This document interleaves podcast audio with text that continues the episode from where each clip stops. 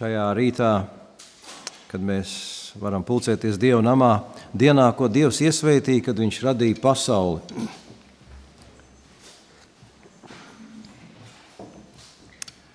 Es katru sabatu pieminu radīšanu, jo tas ir tāds brīnišķīgs atgādinājums. Un, un es domāju, ka ne tikai šajā īpašajā dienā mēs to varam pieminēt, bet arī katru dienu, īpaši jau vasarā, kad daba mums liecina par Dieva radīšanas spēku. Brālis jau lasīja ievadā tekstu no Lūkas, atvainojos, Jāņa Evanģēlī 15. nodaļas.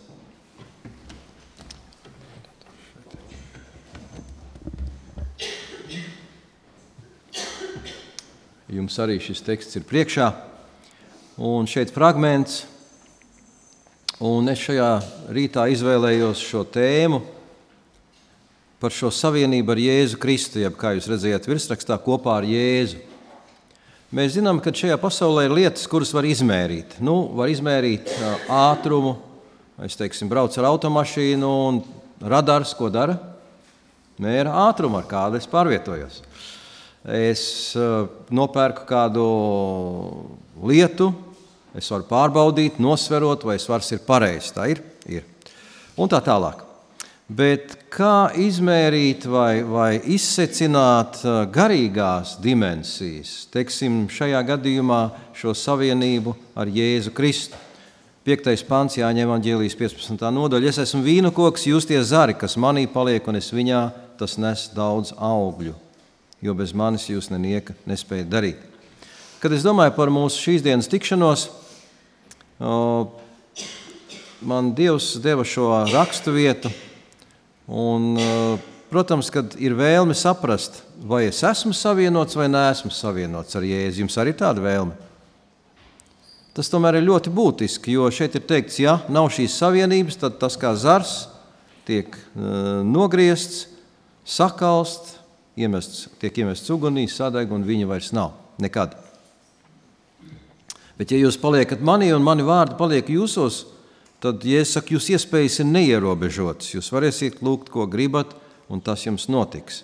Un 8. pāns jau runā mm, par to, kā šāda dzīve pagodina Dievu. Ar to mans tēvs ir godā celts, ka jūs nesat daudz augļu un topat par maniem mācekļiem. Uh, un šeit iekaviņās ir arī jaunais krievu tūkojums – visā atklājat sevi par maniem mācekļiem. Tātad, citiem vārdiem sakot, mēs atklājam ar savu dzīvi, ka esam mācījušies no Jēzus. Šodien varbūt tāda māceklība vairs nav tik ļoti izplatīta, kaut gan ir atsevišķas sfēras, kur tas notiek. Bet senos laikos jūs droši vien esat dzirdējuši, tur bija kalēja māceklis, skrodera māceklis, un, un tā tālāk. Un tā tālāk. Katrā profesijā bija meistars un māceklis. Un meistars centās no, uh, iemācīt māceklim to labāko, un māceklis centās to apgūt. Un arī apustulis Pāvils uh, arī, uh, piemin to, no kā viņš ir mācījies. Un droši vien, ka jūs arī atceraties savus tos izcilākos skolotājus, pedagogus, kas jums ir bijuši skolā, vai augstskolā, vai arī dzīvē, vai arī draudzē no kuriem jūs esat kaut ko labu un vērtīgu iemācījušies. Bet šajā gadījumā tas, no kā mēs mācāmies, ja kurš no, no, no kura mēs mācāmies, ir Jēzus Kristus. Un tad 8. pāns saka, mm, šī mūsu dzīve, kas nes daudz augļu, mm, tā arī liecina par to, vai mēs esam vai neesam Jēzus mācekļi. Iesim tālāk, un šeit šodien es vēlos ar jums piecas lietas pārunāt tādas piecas dimensijas, kas palīdz mums saprast, vai mēs esam kopā ar Jēzu vai gluži nesam. Un tas ir būtiski, kā mēs runājam, lai saprastu, vai mums ir mūžīgā dzīvība vai nav. Vai mēs esam šajā pusē vai nepilnīgi. Vai reizēm esam un reizēm nesam, teiksim tā. Un pirmā lieta ir ticība. Vai ticību var izmērīt? Kādās mērvienībās? Nav mērvienība. Bet tomēr var novērtēt. Ir lietas, ko var novērtēt. Un šajā ziņā eksperts ir Dieva vārds un pats Dievs. ebrejiem 11. nodaļa, jo ticība ir stipra paļaušanās uz to, kas cerams, pārliecība par neredzamām lietām. Es nezinu, kā jums, bet man ticība tiešām sākās ar pārliecību par neredzamām lietām. Jo, kad es neticēju Dievam un Dieva vārdam Bībelē, es tiešām biju pārliecināts un, un ticēju tikai tam, ko es varu redzēt, aptaustīt un, un tā tālāk. Uh, un šeit otrais pants saka, ka ticībā stāvēdam uz sentēvu, jeb tēvi ir saņēmuši liecību mm, no Dieva, mm, ka Dievs uh, viņiem izteica atzinību. Un trešais pants saka, jo ticībā mēs saprotam, ka pasaule ir radīta Dieva vārda spēkā, no neredzamā cēlies redzamais. Tas ir nākošais jau ticības solis, kad mēs pieņemam radīšanu, kā tā ir atklāta Bībelē Dieva vārdā.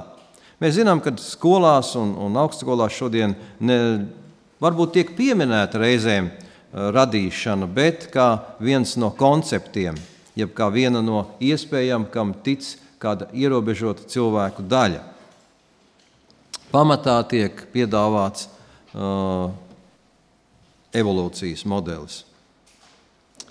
Un piektais pāns jau runā par uh, kādu ticības piedzīvojumu vecajā derībā, Ticībā Enoks tika aizrauts tā, ka viņš neredzēja nāvi.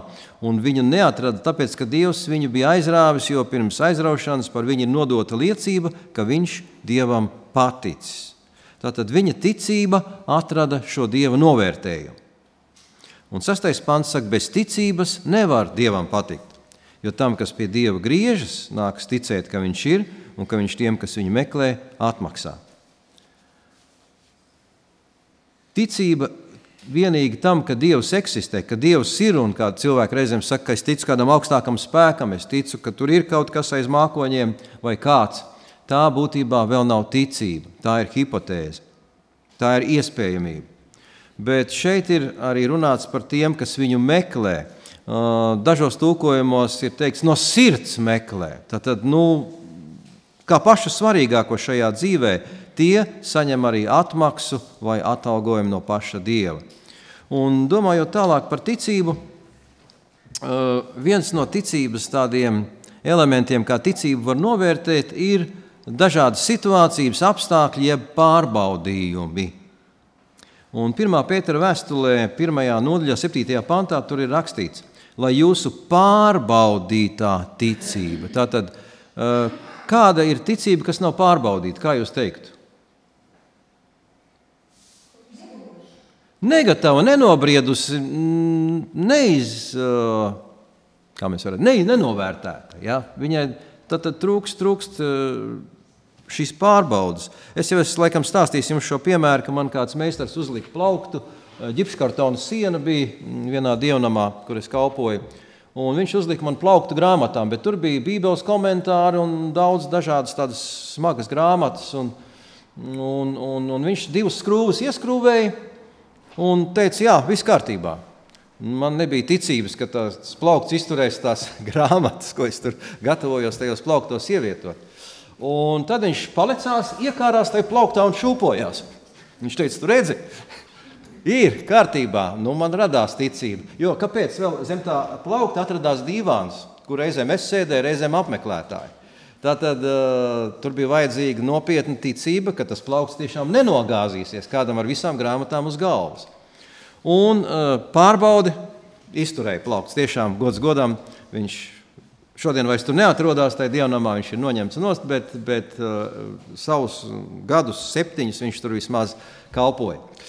Un tā, lai jūsu pārbaudītā ticība, kas ir daudz vērtīgāka nekā iznīcīgs zelts, kas ugunīs tiek pārbaudīts, Tātad zeltu pārbauda ar uguni, kausējot, jo tad šie pie, piemaisījumi attiek nost.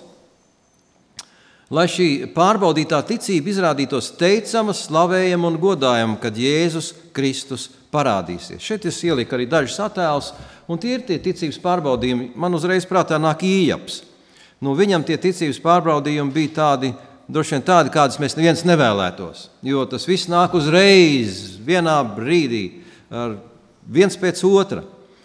Un eh, šeit ir ehm, tātad, daži attēli. Viens no attēliem ir tas, ka ticības dēļ mēs varam tikt atstumti, apspiesti, ehm, nu, apvainoti un tā tālāk.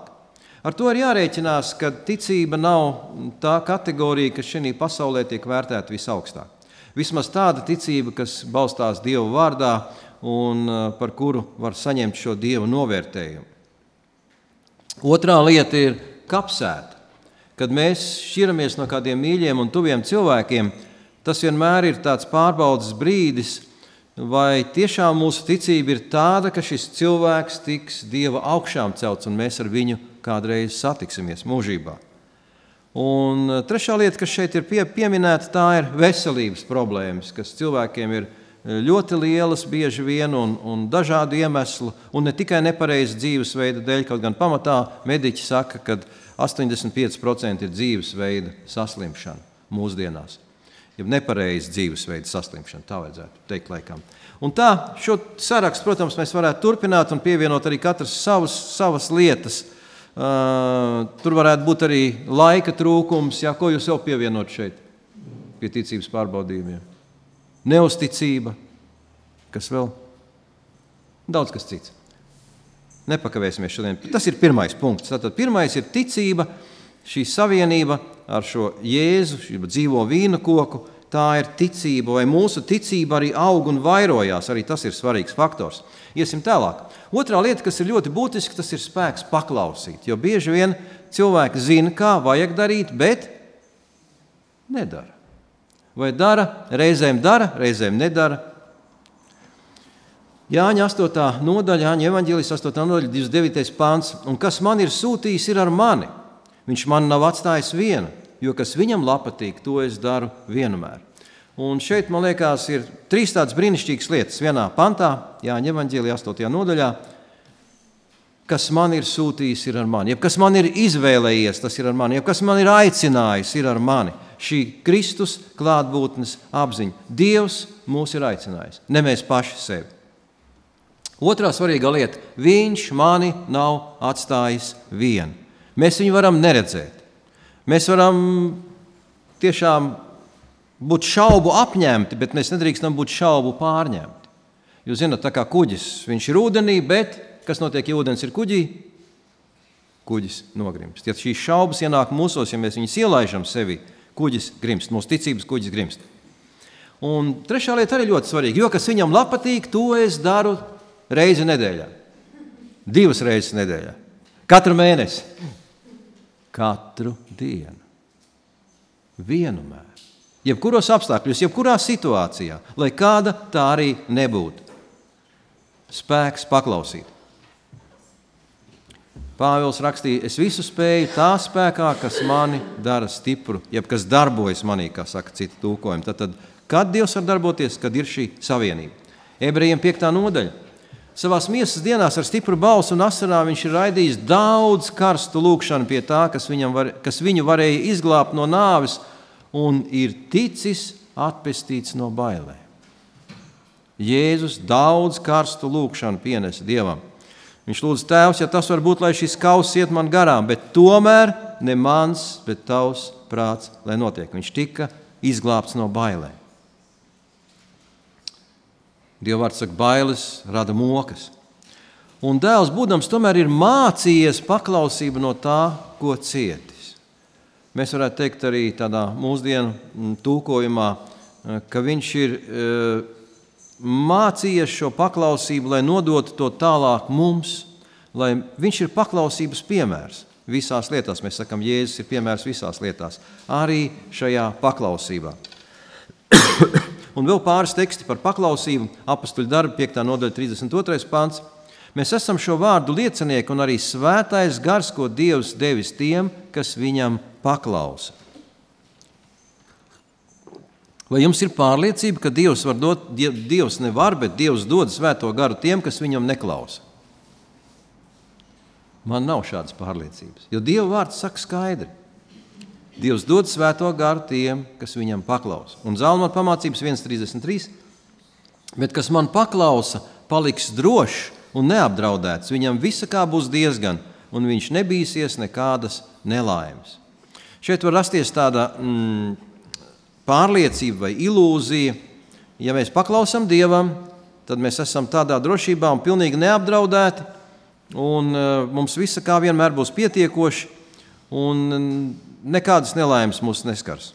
Bet būtībā šis teksts saka mazliet savādāku domu, ka tie, kas Dievam paklaus, paklaus, viņi paliek Dieva tuvumā, Dieva aizgādībā un ejot cauri grūtībām. Jūs zināt, ir Bībelē tāds teksts, kad tu iesi caur uguni un ūdeni, tad uh, ūdens tev nenoslīcinās un liesmas tev nesadedzinās. Nevis vai, bet kad tu iesi. Tas nozīmē, ka mums katram ir pārbaudījumi, dažādi grūtības, problēmas, uzbrukumi mm, un tā tālāk. Bet tu paliksi drošs šajos pārbaudījumos. Tu paliksi neapdraudēts, jo šie pārbaudījumi nespēs tevi sagraut, iznīcināt, nogalināt. Un visa kā būs diezgan, tas nozīmē, ka mēs būsim apmierināti ar to, kas mums ir. Pāvils raksta ļoti skaidri. Es esmu iemācījies būt mierā un apmierināts ar to, kas man ir. Ja ir daudz, slavu Dievam. Ja ir mazāk, slavu Dievam. Ja nav nemaz, slavu Dievam. Iesim tālāk. Trešā lieta. Un tā ir diezgan būtiska. Tā ir uzvara pār savu es. Ja mēs lasām Dieva vārdā mm, saistībā ar Luciferu, es kāpšu debesīs, es uzcelšu savu troni, tur augstu par zvaigznēm, es būšu kā pats visu varenais un tā tālāk. Un, ja mēs lasām Bībeli no paša sākuma, trešajā nodaļā, arī Ādams un Ieva izvēlējās savu es likt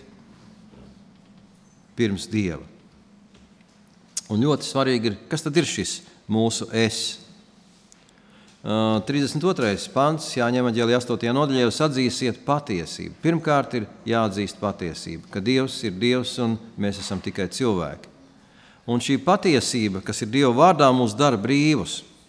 Un tad jūdi, kas bija sākuši viņam ticēt, kā teikts iepriekšējos pantos, atbildēja: Mēs esam Ābrahama dzimums un nekad neesam bijuši neviena cilvēka vergi. Kā tu saki, jūs būsiet brīvi? Un šeit mēs saprotam, ka Dievs dod cilvēkam brīvo izvēli. Bet cilvēki bieži vien šo brīvo izvēli izlieto nepareizi vai pat nelietīgi. Un Jēzus viņiem atbildēja: Patiesi, patiesi es jums saku, ik viens, kas grēku dara, ir grēka vergs. Kas negrēko, tas ir no Dieva. Ja nu dēls jūs darīs brīvus, jūs patiesi būsiet brīvi. Kristus mūs var atbrīvot no šīs grēka verdzības no mūsu ieradumiem, no mūsu tradīcijām, no mūsu, kā Bībelē teikts, aplamās tēviem un mātēm mantotās dzīves. Jo bieži vien cilvēki saka, nu, mani vecāki tā darīja, nu, es arī iešu un darīšu to pašu, ko viņi.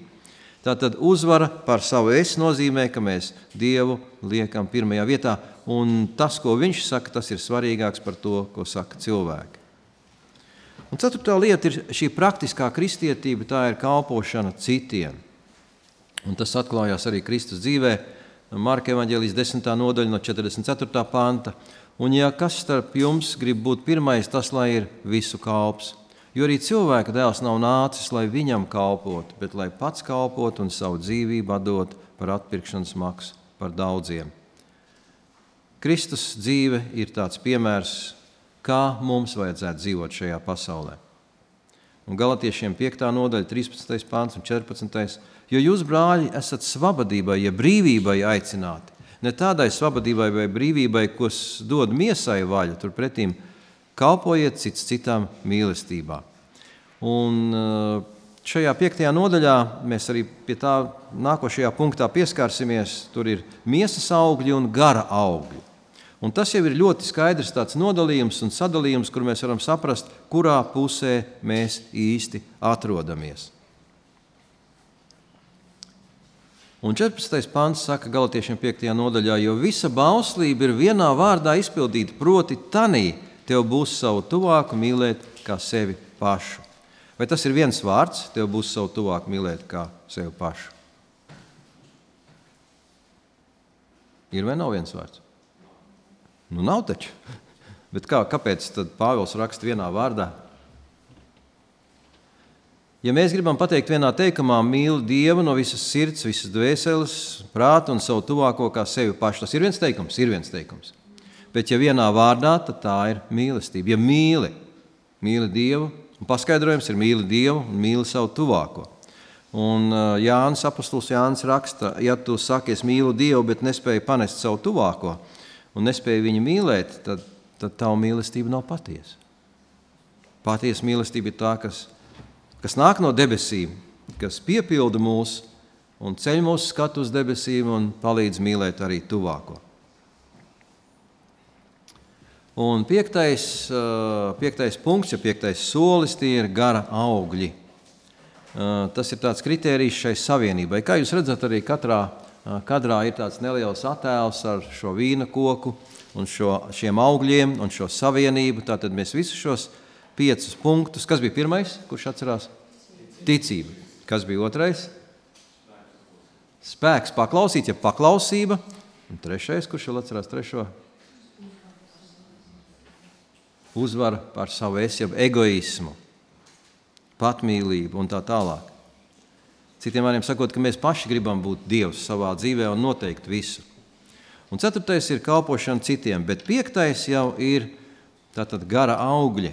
Ar zilo krāsu tie ir miesas augļi. Apostols Pāvils ar miesu apzīmē šo grēcīgo miesu, šo grēcīgu cilvēku grēcīgo dabu. Tātad cilvēka grēcīgās dabas izpausmes ir, mēs tā varētu teikt. Tā varam teikt. Pāvils tā vismaz domā. Tātad grēcīgās dabas izpausmes ir netiklība, nešķīstība, izlaidība, elku kalpība, buršana, ienaids, strīdi, nenovīdība, dusmas, ķildas, šķelšanās, ķecerība, ja bezdievība, skaudība, dzeršana, dzīvošana un tam līdzīgas lietas. Kur mēs ar to visu varam sastapties? Atveriet ziņas, un tur viss tas ir ļoti bagātīgi. Un reizēm kaut kas pavīd arī par ticību, bet ne, parasti tas nav nemaz tādā pozitīvā gaisotnē. Tas ir kāda, kāda kritika, kas izteikta par, par ticīgajiem. Vismaz tādīs masu mēdījos, kur mēs skatāmies ziņas, mūsu saprotamā valodā, tur ļoti maz ir par ticību. Kaut kas ļoti reizēm ir minimāli, bet es arī pārāk bieži tam nesakoju. Bet tad, kad es atveru, ļoti reti, kad tur mēs varam kaut ko tādu lasīt. Un kāds ir secinājums par šiem miesas vai, vai, vai grēcīgās dabas augļiem? Pāvils saka, tas, tas jau iepriekš saku, kā esmu jau senāk sacījis, tie, kas tādas lietas dara, nemantos Dieva valstību. Citiem vārdiem sakot, nāve, ja mūžīga pazušana. Tie, kas iet šajā platajā straumē, ja iet šo plato ceļu, ja iet pa caur šiem platajiem, lielajiem vārtiem, cilvēki būtībā iet pazušanā. Bet tie, kas seko Jēzum Kristum, tur atklājās pavisam cita aina. Tur ir mīlestība, prieks, miers, pacietība, laipnība, labprātība, uzticamība, lēnprātība un atturība. Reizēm cilvēki apstājās pie pirmajiem trijiem - mīlestība, prieks un miers. Un tas ir galvenais un svarīgākais. Bet tikpat būtiski ir arī pacietība, laipnība un labprātība. Elena Vaita raksta, ka bērni ir tādi pacietības pārbaudītāji. Ir tādi bērni, kur ir tādi lielāki pacietības pārbaudītāji, un ir tādi, kur ir mazāki. Bet vienalga bērni vienmēr saviem vecākiem un arī brāļiem un māsām draudzē reizēm ir pacietības pārbaudītāji. Tā ir. Un ko jūs darat tādos gadījumos? Mīlam un ar prieku paciešam. Jo mēs nedaudz tā atceramies, kā caur miglu, ka mēs paši jau tādi droši vien arī bijām, tad, kad bijām viņa vecumā. Vismaz man reizēm tas nāk atmiņā. Dažas tās lietas, ko es darīju, man, man nemaz nav, nav, nav prieks par to. Bet es redzu, ka arī jaunā paudze arī līdzīgi uzvedās šodien. Tā kā mums nav vērts viņus nosodīt, bet ir viņi jāsamīļo un jāsaka, ka es tevi saprotu. Un tā pacietība, laipnība, labprātība. Tas atklājās Jēzus dzīvē. Tas vairs nav no lielveikala pārdevēja kataloga, kur, kur teiksim, viņam jau ir teikts, tev jābūt vienmēr smaidošam, priecīgam, laipnam pret visiem. Tur jau nāk kaut kas vairāk. Tur nāk labprātība uzņemties to, ko citi nevēlas uzņemties. Tur ir uzticamība visās lietās un līdz galam. Tur ir tāda lieta, kas sātanam ir pretīga, un tā ir lēnprātība, tā ir pazemība, tā ir tāda sevis ziedošana un sevis neizcelšana. Un tad ir arī atturība, jeb self-control, angļuiski, jeb pašsavaldība, kas arī ir ļoti būtiska. Un 23. pāns pret šādām lietām nav bauslības. Un, uh, man patīk jaunais krievu tūkojums, kur teikts, nav likuma, kas šīs lietas nosodītu. Ja miesas augļi tiek nosodīti, jo tur ir visu desmit dievu baušļu pārkāpums. Miesas darbi, miesas, miesas darbi, miesas augļi, tur ir visu desmit dieva baušļu pārkāpums. Galatiešiem 5,22 gara augļi. Likumi tiek ievēroti, likumi tiek cienīti, un saskaņā ar šiem likumiem norisinās arī dzīve. Un tas ir ļoti svarīgs kriterijs arī šai savienībai ar Jēzu Kristu. Ja mēs ar prieku dzīvojam saskaņā ar Dieva likumiem, ja tas mums nav par apgrūtinājumu, ja tas eh, mūs eh, iepriecina, tāpēc ka tas mūs dara stiprākus un tuvina Jēzum, tad mēs esam uz pareizā ceļa. Un noslēgumā mēs visi saprotam, ka dzīvojam gala laikā. Un eh, šeit ir rakstīts kristiešu gala laikā. Ar vārdu kristieši es šeit nedomāju visus vairāk kā divus miljardus cilvēku, kuri sev pieskaita kristietībai, no kuriem ļoti daudz ir kristīti bērnībā un tāpēc ir ierakstīti draudzes grāmatā un sevi uzskata par kristiešiem. Un es domāju, šeit tādus kristiešus, kur patiešām ir savienoti ar Jēzu Kristu, kur ir Kristus sekotāji, jo arī Dieva vārdā teikts, Kristus sekotājus sauc par kristiešiem. Tātad tie, tos, kuri ikdienā seko Jēzum Kristum, kuri ir kopā ar Jēzu Kristu, kuri jā, kādreiz var krist un, un piedzīvot neveiksmes, bet viņi pieceļās Dieva spēkā un iet uz priekšu un atkal turās pie Jēzus rokas. Un es jums gribu noslēgumā šeit tādus uh, ļoti tādus brīnišķīgus vārdus vēstulē Filipiešiem apstāsts Pāvils 2. nodaļā raksta no 13. panta. Jo Dievs ir tas, kas jums dod gribu un veiksmi. Uh, jaunais krievu tūkojums saka vēlmi un spēku darboties. Man liekas, ka abi, abi tūkojumi ir, ir labi. Gliks vēl saka, uh, Eh, gribēšanu un varēšanu. Tad gribu, mm, eh, izdošanos, jeb gribu un vēlmi. Tas nāk no Dieva, darīt labu, dzīvot kā Dieva bērnam šajā pasaulē. Un man kādreiz ļoti iedvesmoja, es neatceros, kas šo mm, citātu ir teicis, šo tekstu, bet doma bija apmēram tāda.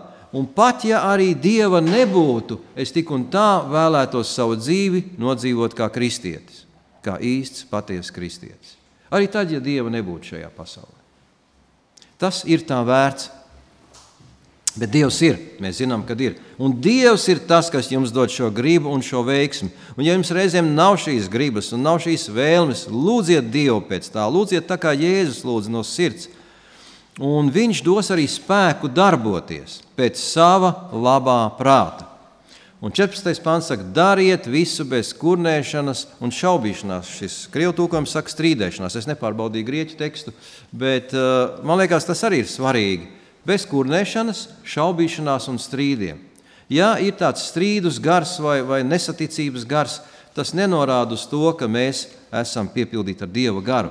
Arī šaubas ir no pretinieka. To praviešu gars saka ļoti skaidri. Nedodiet vietu vēlnam, nedodiet vietu šaubām, lai jūsu ticība netiek izšaubīta. Un kurnēšana tā ir neapmierinātība. Neapmierinātība, neapmierinātība ar to, kas man ir šobrīd, un, un uh, neapmierinātība bieži vien arī ar to, kas ir citiem. Jo citiem šķiet reizēm ir vairāk, citiem ir labāk, un, un tā tālāk. Bet uh, šajā gadījumā, uh, ja mēs runājam par šo vēlmi, kuru Dievs dod, un šo spēku, lai darbotos Dieva valstības labā jau šeit uz zemes. Un tad mums ir jākļūst arī tādiem, kā ir 15. pāntā rakstīts, lai jūs būtu nevainojami un šķīsti. Dar arī šis skaidrojums vārdam šķīsts, tas ir sirds skaidri, jeb sirdī skaidri cilvēki. Mēs zinām, ko tas nozīmē. Nepeļami, tādi, kuriem var izvirzīt dažādas apsūdzības, bet tomēr nevar šos cilvēkus norakstīt. Viņi ir tomēr labāki. Tajā ziņā, ka viņi ir izvēlējušies Jēzu Kristu. Viņi ir izvēlējušies pareizo ceļu un iet pareizā virzienā. Un šeit ir tas fons, tas mūsu fons, uz kura mums jādarbojas. Mums, protams, patīk visiem tāds labs fons. Tā ir.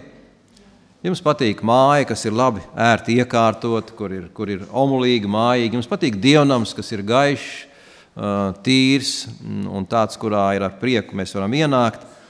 Bet šajā gadījumā fons ir, ir samai, sabojātas un samaitātas paudzes vidū. Tātad fons nav tas labākais, nav tas labvēlīgākais, nav tas patīkamākais, nav tas iedvesmojošākais. Un tomēr, neraugoties uz to, ja mēs palūkojamies uz Jēzus Kristus dzīvi, lasiet grāmatu laikmetu ilgas, tur ir aprakstīti tā, tie apstākļi, kādos Jēzus darbojās, tie cilvēki, kuru vidū viņš bija, tā attieksme, kā pret viņu izturējās. Un šķiet, ka viņš tam visam nepievērs pārāk lielu vērību. Un tieši tāpat arī mums vajadzētu dzīvot šajā pasaulē. Un tas novēlējums ir, lai mēs tādā mirdzētu, kā spīdekļu pasaulē. Man patīk eh, jaunais tūkojums, kurš saka, kā zvaigznes universā. Es nezinu, vai jums patīk zvaigznes, zvaigznēs raudzīties, kad ir tāda zvaigžņota nakts. Mani pārņem tāda patiesa bijība, kad es tādā tumsā izēju ārā. Un vislabāk ir rudenī, tad ir daudz zvaigžņu. Vasarā viņas, es nezinu, kāpēc nav. Viņas kaut kur pazūd. Man šķiet, ka tas varētu būt no tā, ka nav pietiekoši tumsas. Bet rudenī un ziemā, kad tumsas ir pietiekoši daudz, tad, tad šīs debesis nemaz nav tumšas. Un astronomi saka, ka vispār tur universā nesot tumšs. Mums tikai no šejienes izskatās, ka tur ir tumšs. Un tā tas aicinājums ir dzīvojiet kopā ar Jēzu. Turiet savu ticību, turiet Jēzus roku stingri, turieties pie tās un neatlaižiet to vaļā nekādās dzīves grūtībās, pārbaudījumos vai citās situācijās, kas jūs apgrūtina, apbēdina vai nomāca. Tā vietā slavējiet Dievu, pateicieties Viņam par to, ko Viņš jums dod, un ejiet kopā ar Jēzu uz priekšu. Un kopā ar viņu arī dariet šo pasauli gaišāku un labāku. Vai jūs to vēlaties? Nu, tad, lai Dievs mūs visus svētī, lai tiešām no Kristus gaismas, lai šī pasaule tiek spožāka arī jau pirms viņa otrās atnākšanas. Un lai mēs varam piedzīvot šo otro atnākšanu kā vislielāko prieku šīs zemes vēsturē. Viņam lai ir gods, slava un pateicība tagad, vienmēr un mūžīgi. Āmen! Es aicināšu jūs piecelties lūgšanai. Svētais un mūžīgais Tēvs debesīs. Mēs esam pateicīgi par šo līdzību, kur Jēzus Kristus stāstīja par šo savienību. Kāda ir vīna kokam ar zariem un augļiem. Un mēs patiešām, kungs, vēlamies būt šie auglīgie zari, kas esam pievienoti Jēzum Kristum, lai Viņš caur mums varētu nest daudz brīnišķīgu augļu šajā pasaulē lai cilvēki tiktu stiprināti ticībā, iepriecināti cerībā, lai viņu bēdās mēs varētu būt viņiem par atbalstu un iedrošinājumu. Lai mēs, kungs, varētu būt tie kanāli, caur kuriem tava mīlestība, laipnība un žēlastība šajā pasaulē plūst bagāti. Un kā mēs lasījām no tava vārda, tu esi tas, kurš dod šo gribu un veiksmi, ja vēlmi spēku un izdošanos arī darboties tā, lai Jēzus Kristus tiktu pagodināts, lai viņa klātbūtne vairotos, lai vēl vairāk cilvēku viņu iemīlētu un izvēlētos viņam sekot. Tādēļ, Kungs, palīdz mums arī dzīvot šķīstu, skaidru dzīvi šajā pasaulē, darīt to, kas tevi pagodina, kas mums pašiem nāk par svētību un citus cilvēkus vada tuvāk savam glābējam. Paldies, Tev, Tēvs, par visu! Svētī savu draugu! svētī katru klātesošo, un lai tavu žēlastību apņem ikvienu, kurš tevi meklē un kurš vēlas arī sekot Jēzum un būt viņa patiesa māceklis katru dienu un visu dienu. Tavam godām, kungs, lai viss tas notiek. Mēs lūdzam tavu svētību. Tas kungs, lai tevi svētī un lai tevi pasargā. Tas kungs, lai apgaismo savu vaigu pār tevi un lai ir tev žēlīgs. Tas kungs, lai paceļ savu vaigu uz tevi un dod tev savu mieru. Jēzus Kristus mūsu kunga vārdā. Āmen!